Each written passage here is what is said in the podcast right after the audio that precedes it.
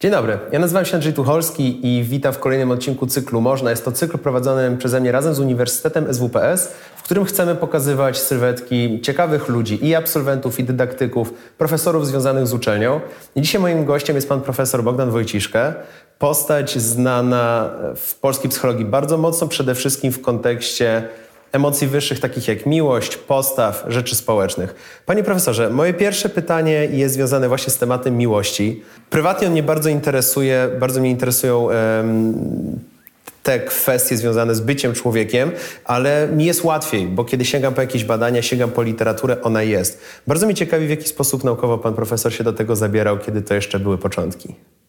No, przede wszystkim zainteresowało mnie to, o, wbrew pozorom to jest zjawisko, które się zmienia. To znaczy relacja, która łączy ludzi, e, jest zawsze przedstawiona jako coś e, no, trwałego, zastygłego w idealnym, najlepiej stanie. A tu się okazuje, że jak człowiek żyje, to ta miłość też żyje i że ona się zmienia e, dość radykalnie i że właściwie prawie nic o tym nie wiadomo. I to mnie to mnie pociągnęło.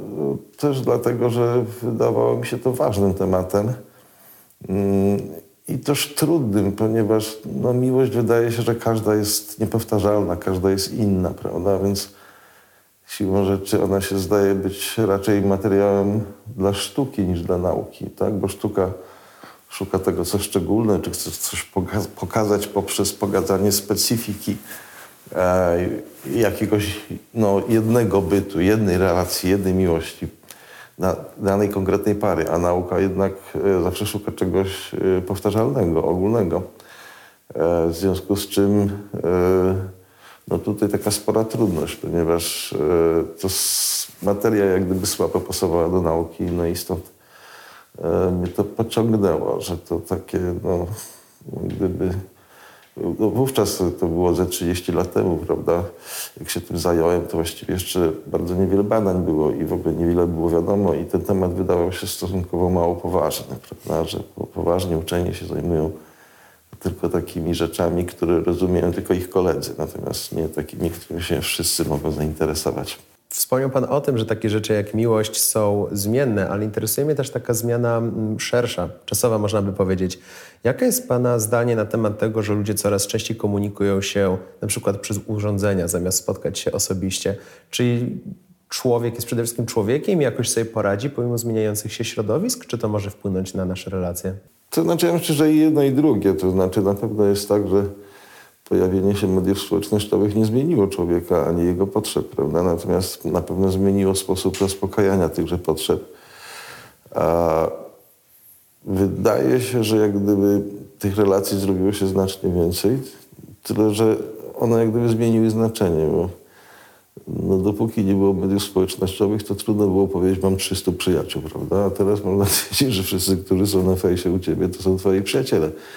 Ale jest w tym trochę takiego, nie, nie wszystko, ale, ale część, e, no jest trochę pozoru, trochę e, te kontakty przez media społecznościowe troszeczkę przypominają surogat, e, taką namiastkę, tak jak mamy, nie wiem, słodzik i, i, mamy cukier, prawda? I teraz słodzik trochę udaje cukier i trochę nim jest, w tym sensie, że dostarcza takich subiektywnych wrażeń podobnych, no ale nie ma jednak tej, że tak powiem, istoty i myślę, że z tymi mediami jest, e, społecznościowymi jest podobnie, że one dostarczają takich e, wiele naskórkowych wrażeń, które są podobne do rzeczywistych przyjaźni, rzeczywistych e, relacji społecznych, ale nimi nie są. Oni trochę udają, prawda? Tak, prawdziwy przyjaciel to taki, do którego możesz zadzwonić o trzeciej nad ranem i z nim porozmawiać, prawda? Bo akurat ci to z jakiegoś powodu jest potrzebne. Natomiast no, media społecznościowe są raczej takim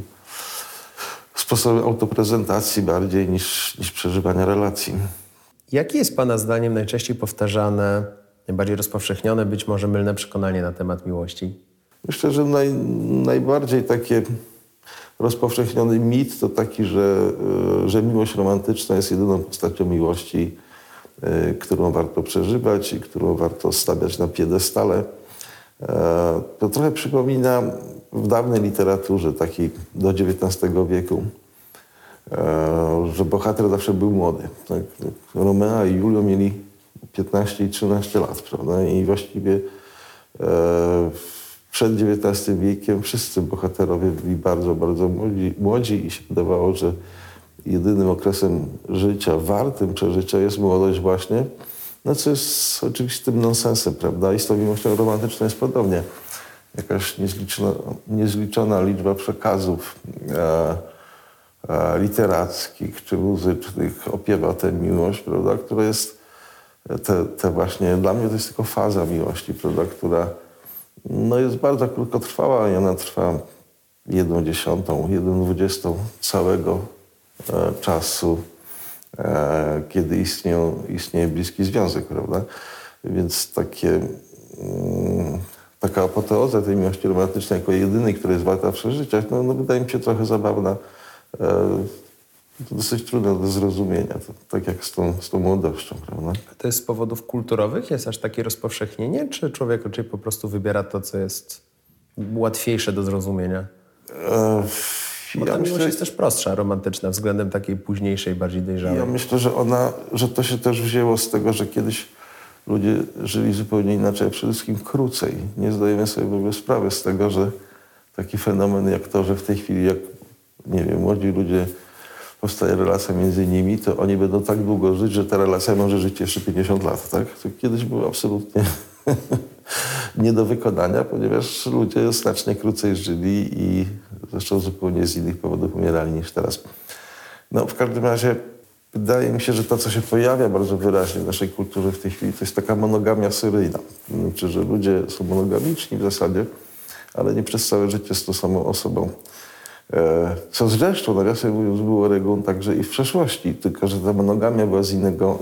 e, Jej seryjność wynika z tego, że któryś z partnerów umierało. Było wielożeństwo czy wielomęstwo takie sekwencyjne było dosyć powszechnym zjawiskiem. A teraz ono się robi z innego powodu powszechnym zjawiskiem, więc, więc ja myślę, że wracając do pytania, to kiedyś to niewielu ludzi dożywało innych faz miłości niż romantyczną, w związku z czym wydawało się, że ta jest jedyna. A teraz, kiedy może oczekiwana długość życia wynosi 80 lat, no to zupełnie to inaczej się przedstawia. Mm, żeby nie ograniczyć się tylko do, jakby do jednego elementu psychologii społecznej, chciałbym pana profesora dopytać o oceny moralne. W trakcie przygotowania do wywiadu w kontakcie z panem profesorem dowiedziałem się, że e, ostatnie badania pokazują, że nie do końca ludzie mają pewne ogólne przekonanie, z czego płyną sądy i oceny moralne, a w ostatnich badaniach u pana profesora okazało się, że być może nie do końca opinia publiczna zdaje sobie sprawę ze wszystkich czynników. Czy mógł pan profesor opowiedzieć o tym?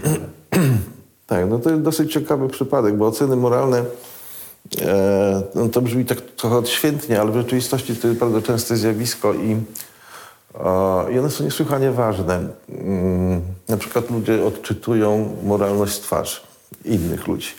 I teraz niedawno się ukazało, znaczy to jest, i, i w dodatku zgadzają się, kto wygląda na, na uczciwego, godnego zaufania, a kto nie. Aczkolwiek to nie ma nic wspólnego z rzeczywistością, bo to jest taka trafność stereotypowa. Ludzie się zgadzają, kto na jakiego wygląda i to ma bardzo poważne konsekwencje. E, Niedawno opublikowano przed paroma tygodniami taką ciekawą analizę archiwalną e, wszystkich skazanych na dożywocie i na śmierć w stanie Floryda w jakimś tam okresie czasu. To było ponad 700 e, ponad 700 osób. No i w archiwach były dostępne ich zdjęcia, więc można było oszacować, co tam widać na tych ich twarzach i okazało się, że ci ludzie, którzy byli uważani za godnych zaufania, to oni dostawali wyrok e, dożywocie, a ci, którzy byli uwaga, uważani za niegodnych zaufania, dostawali e, karę śmierci. E, Więc Za podobne przestępstwa? za podobne przestępstwa, tak. Czyli to był taki zupełnie nie- niezależny czynnik. Więc to jest ważne. No i, no i teraz jak patrzymy na przykład na scenę publiczną, to bez przerwy ktoś wyskakuje i kogoś innego okłada tymi negatywnymi ocenami moralnymi niczym pałką. No i troszkę z, z uwagi na tą wszechobecność i, i, i taką i, i ważkie konsekwencje tych ocen moralnych, to zaczęliśmy się im przyglądać z moimi współpracownikami i pokazaliśmy jako pierwsi coś, co wydawało się oczywiste, że to już dawno powinno być pokazane, że mianowicie własny interes bardzo zniekształca oceny moralne i że ludzie w ogóle nie zdają sobie sprawy z tego, że on zniekształca te oceny moralne. No, z Konradem Bocianem robiliśmy takie badania, że, które pokazały coś takiego z grubsza, że jeżeli e, pan oszukuje dla własnej korzyści, to ja to uważam za niemoralne, ale kiedy ja na tym też zyskuję, to przestaję. to jest uważać. I już, wszystko jest dobrze. I pośrednikiem jest to, że ja zaczynam pana lubić. I jak pan, no pan jest po prostu taki fajnym człowiekiem, w związku z czym pan jest także i moralny, prawda? I na różne sposoby mm, staraliśmy się to zjawisko pokazać i, i, i to bez trudu udało się wy- wykazać, czyli dlatego, że to zniekształcenie pod wpływem własnego interesu jest bardzo silne. Przy czym e, dziwne jest to, że ono jest zupełnie nieświadome, że jak ludzie sobie tylko wyobrażali sytuację, w której e, ja na przykład sobie wyobrażam sytuację, w której pan działa dla mojego interesu, to, to wtedy nie działa. Ja myślę, że będę, że moje oceny pójdą za, za normami, a nie za moim interesem. A jak jestem uwikłany w rzeczywistą sytuację, to to się od, odwraca. No i, i w ogóle problem szerszy jest taki, że oceny moralne no, są produktem jak gdyby dwojakiego rodzaju procesów w naszej głowie. Jeden proces to jest świadomy namysł, e, porównanie, czy to zachowanie jest zgodne z normą, czy kogoś krzywdzi, czy nie krzywdzi. I to jest e, wydeliberowane, powolne, wymaga wysiłku i, i, i motywacji, czyli kogoś musi chcieć, żeby tak o tym pomyśleć. Ale przeważająca część ocen moralnych jest produktem zupełnie innego procesu, takiego procesu automatycznych intuicji. Jak coś widzę, natychmiast czuję, że to jest dobre bądź złe i wiele badań pokazują, pokazuje, że takie natychmiastowe intuicje moralne, e, czyli odczucie właśnie, że coś jest dobre bądź złe, że to się pojawia w ciągu pierwszej ćwierci sekundy. Jest potem stałe w czasie, w miarę I potem, potem to może ulec e, zmianie pod wpływem tych, tego namysłu, tylko że najczęściej w ogóle nie jest modyfikowane. Ponieważ jak gdyby, dopóki nas nikt nie pyta o uzasadnienie naszych ocen moralnych, dopóty idziemy za tym pierwszym impulsem. I na nim właściwie budujemy te e, uzasadnienia, jeżeli w ogóle. Nasz umysł jest tak skonstruowany, że my nie szukamy najlepszego wyjaśnienia, tylko poprzestajemy na pierwszym, które jest wystarczająco dobre, żeby w nie uwierzyć. Dlatego też nasze oceny, w tym oceny moralne, często bywają zniekształcone. E, I, I właściwie w ogóle nawet nie zdajemy sobie sprawy z tego zniekształcenia. Czyli i, i właściwie w tej chwili robimy taką serię badań nad bardzo prostą hipotezą, że wystarczy, że kogoś lubimy albo nie lubimy, wszystko inne z jakiego powodu, nawet kompletnie nieważnego, i czy to już modyfikuje oceny moralności, niemoralności.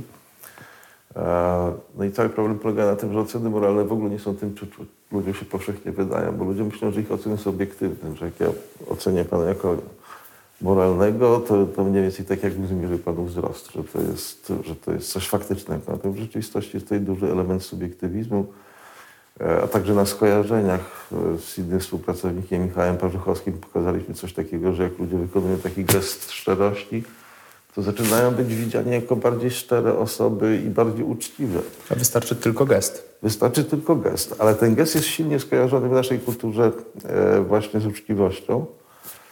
Jak Tony Blair przekonywał, że w Iraku jest broń masowego rażenia, to też tak robił, prawda? I wszyscy mu wierzyli. Teraz mają pretensje. No i myśmy pokazali coś, tak- coś takiego, że jak ludzie wykonują ten gest, to są widziani jako bardziej wiarygodni, a jak pod jakimś pretekstem namówić ich, żeby ten gest wykonali, to sami się stają bardziej uczciwi. Na przykład mniej kłamią, e, mniej oszukują.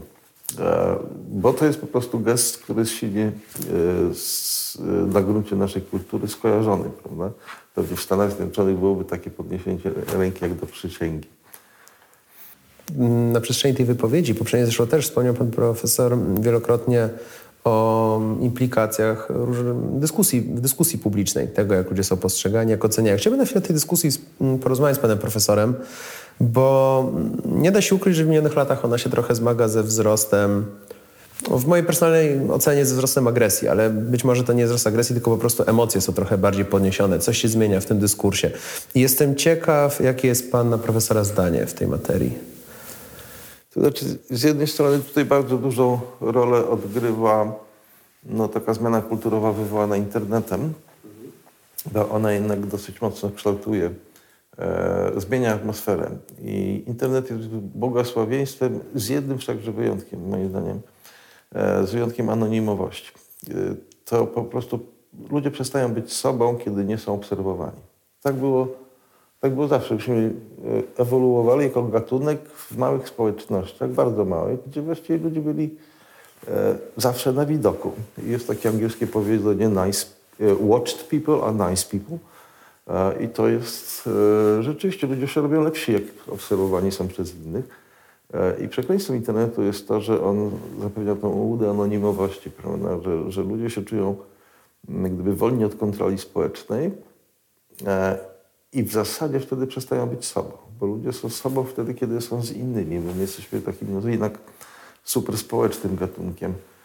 A z drugiej strony też takim czymś, co się przyczynia do barbaryzacji języka i, i, i barbaryzacji przekazu, e, to jest e, urynkolienie. To znaczy jest tak, że e, treści negatywne są bardziej widowiskowe, bardziej przyciągają uwagę, wydają się ciekawsze od treści pozytywnych, które są jak gdyby no, pozytywnie, to znaczy, że jest jak zwykle, prawda? Więc to jest nudne.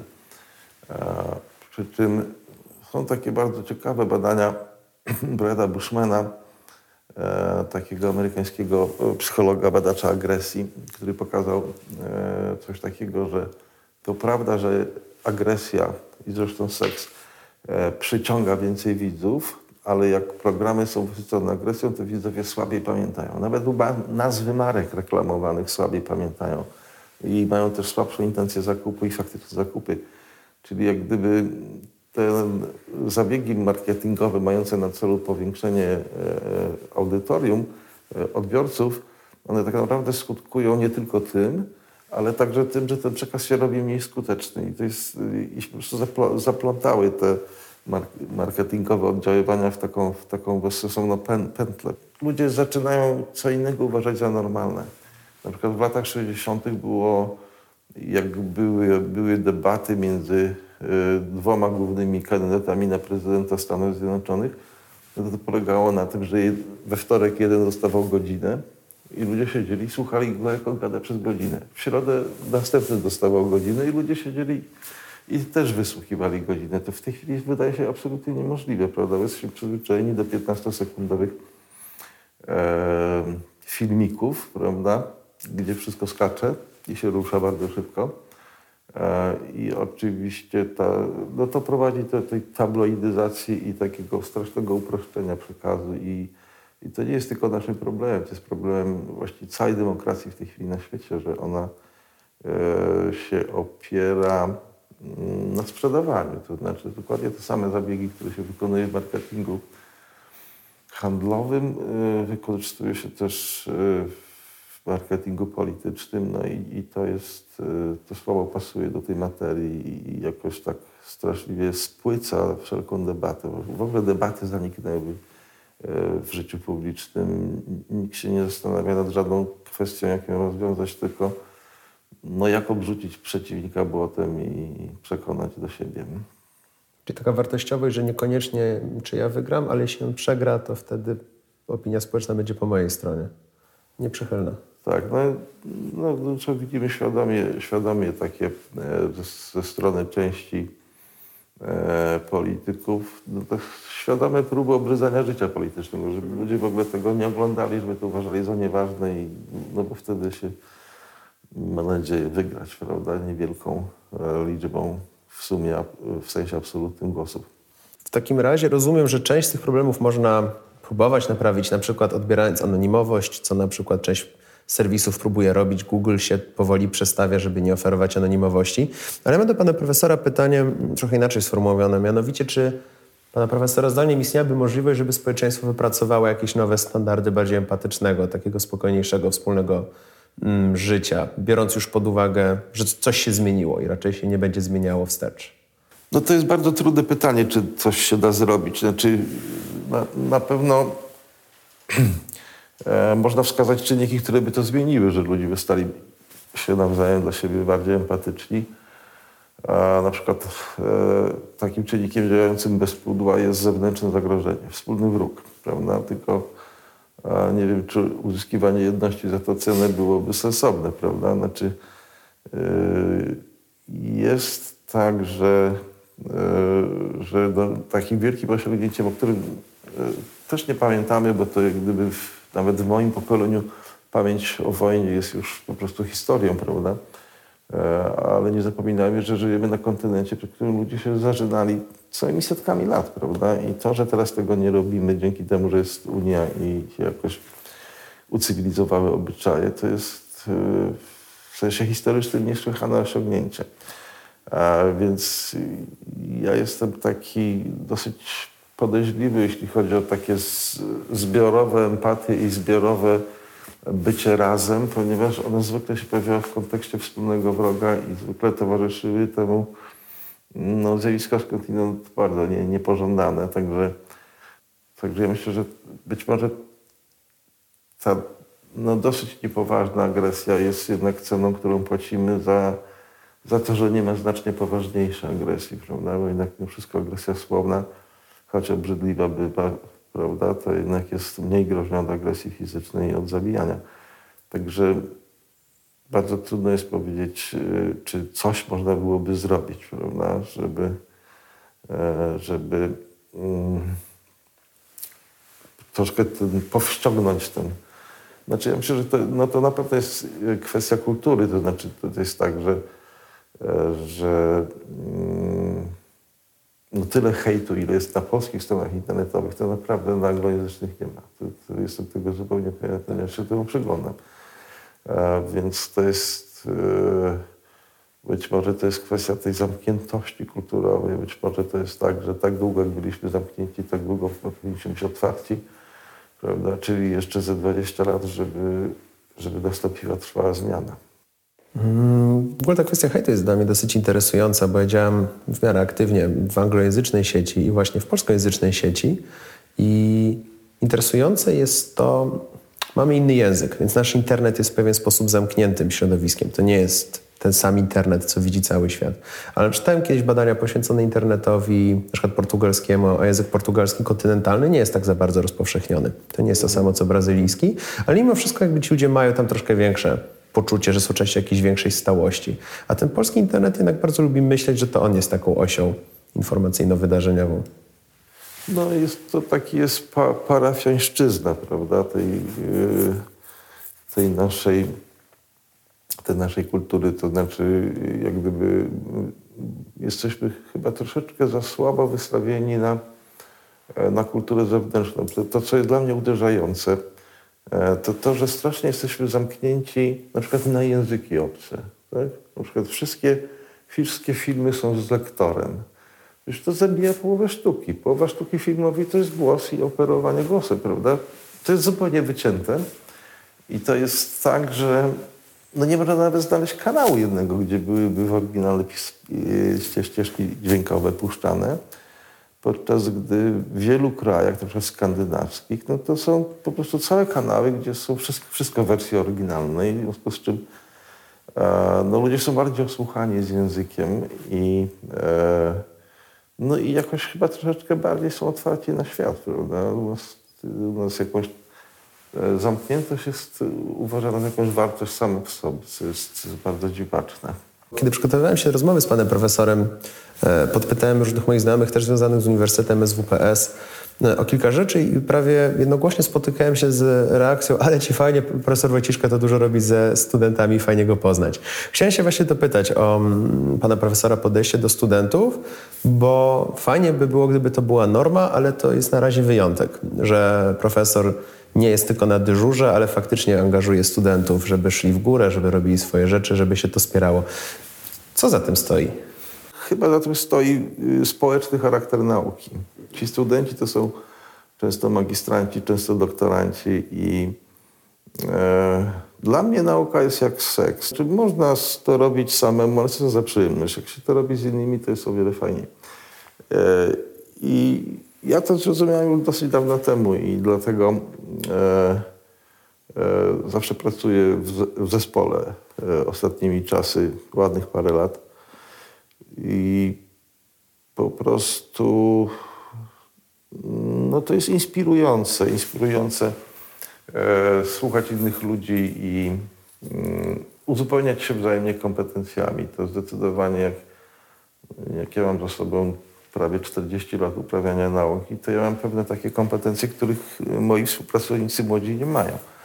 Ale i odwrotnie, jak chodzi o, o wymyślenie, jak zoperacjonalizować jakąś ideę, jak ją doprowadzić y, od pomysłu do, do, do rzeczywistości, e, to przy tej biegłości na przykład nowoczesnych technologii, to tym młodym ludziom jest to znacznie łatwiej zrobić i to, co w tej chwili widzę, to taką bardzo satysfakcjonującą, satysfakcjonujące uzupełnianie się kompetencji. E, także współpracujemy jak gdyby z własną wzajemną korzyścią i, i że to jest fantastyczne i to, i to oddaje, oddaje ducha współczesnej nauki, bo ona rzeczywiście w tej chwili jest przedsięwzięciem bardzo, bardzo społecznym, e, co jest dużą zmianą, ponieważ e, jeszcze 100 lat temu to w zasadzie zespoły naukowe nie istniały, istniały tylko jednostki i tak było zawsze. Prawda? Dopiero ostatnie 100 lat no, kolosalnie zmieniły naukę i ona się zrobiła takim E, do przedsięwzięć grupowych. E,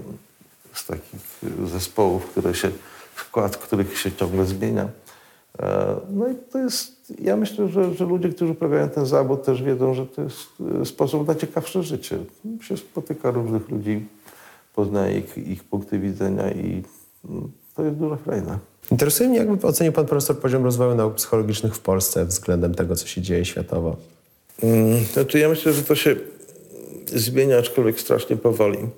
Znam taki przykład y, kraju, który powiedzmy ze 30-40 lat był dokładnie tak tam, gdzie my jesteśmy teraz. To jest Holandia. I oni zupełnie świadomie e, zawarali się za reformowanie swojej nauki całej y, w taki sposób, żeby otworzyć na świat i wypchnąć, wypchnąć tych lokalnych uczonych na świat. I oni w tej chwili E, Holendrzy, jeśli chodzi o uprawianie nauki, to oni są dokładnie na amerykańskim poziomie, czyli na najwyższym. Czy tam na przykład no nie ma doktoranta, który by nie spędził dwóch lat w Stanach. No, no po prostu nie ma.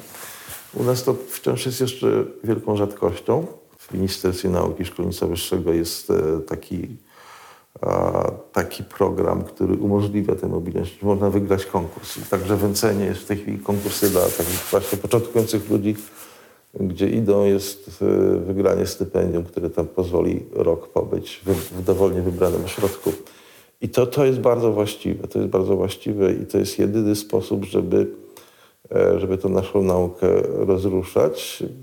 Nauka jest w tej chwili niesłychanie amerykanocentryczna. No, nauka jest jak, nie jak Coca-Cola. No jest w bardzo dużym stopniu produktem amerykańskim i mm, można to lubić, można tego nie lubić, no ale takie są realia. I właściwie jeżeli ludzie nie są eksponowani na, e, na Akademię Amerykańską, no to są po prostu e, no, takimi opłatkowymi. E, no właściwie są amatorami. I, I to, żeby każdy doktorant, najlepiej byłoby wręcz, żeby każdy magistrat mógł pobyć sobie przynajmniej SMS2.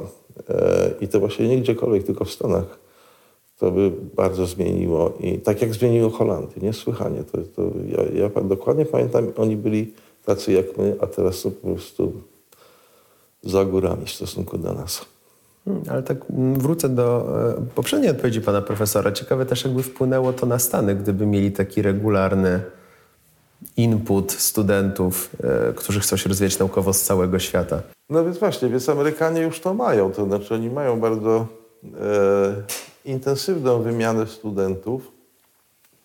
No i rzeczywiście e, tam do nich bardzo dużo ludzi przyjeżdża studiować. Zresztą podobnie jest w Wielkiej Brytanii. To, to, jest, to jest w chwili duży biznes, prowadzenie studiów i, i także uczenie języka. No i oczywiście oni sobie zostawiają tych najlepszych, znaczy kuszą ich, żeby zostali, no i to się często udaje. Moje przedostatnie pytanie, z czego życzyłby pan profesor aktualnie studiującym?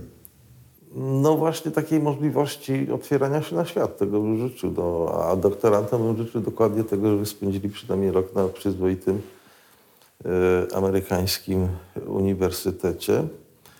No, życzyłbym też studiującym, żeby wzrosły nakłady na naukę e, i, i na studia wyższe, bo one jednak są potwornie niedoinwestowane. To znaczy jeden uniwersytet Harvarda ma więcej pieniędzy niż cała polska nauka, wszystkie uczelnie razem wziąwszy. Tak? Czy jest po prostu E, To jest po prostu w ogóle nieporównywalne. To też e, w e, polskiej nauce też widzę takie, na różnych poziomach to widać, że się różne działki, czy różne uniwersytety, czy wydziały okopują, oddzielają od wszystkiego pozostałego. Na przykład my nigdy nie będziemy mieli żadnego uniwersytetu e, na jakimkolwiek przyzwoitym miejscu w rankingu, dlatego że nasze uniwersytety są strasznie rozdrobnione.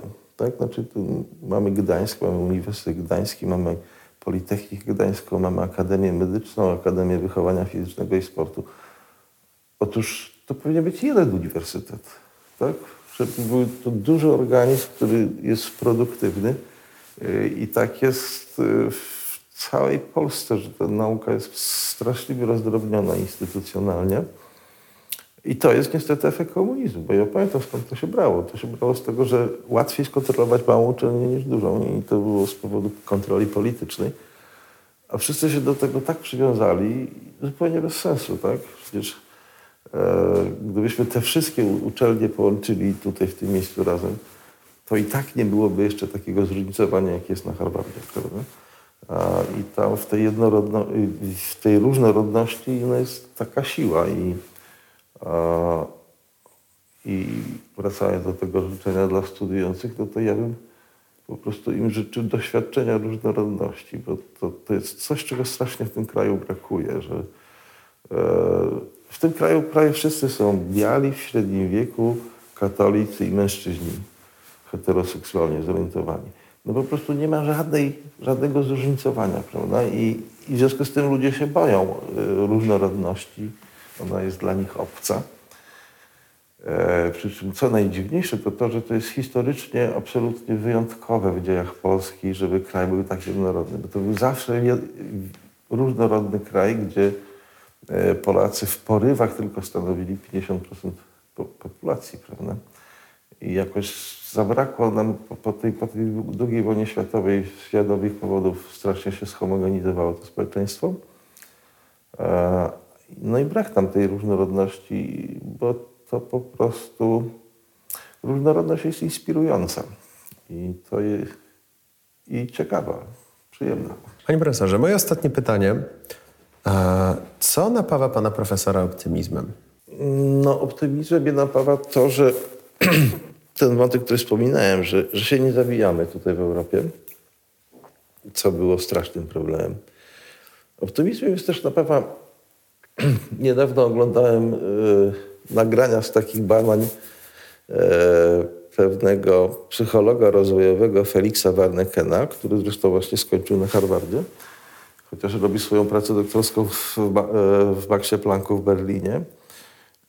On e, robił badania nad e, małymi dziećmi w wieku poniemowlęckim, takim między pierwszym a drugim rokiem życia i fingował 10 różnych sytuacji, gdzie potrzebna była pomoc. Że na przykład e, klamerkę coś tam wiesza na, na lince i ta klamerka mu spada i on udawał, że nie może podnieść tej klamerki.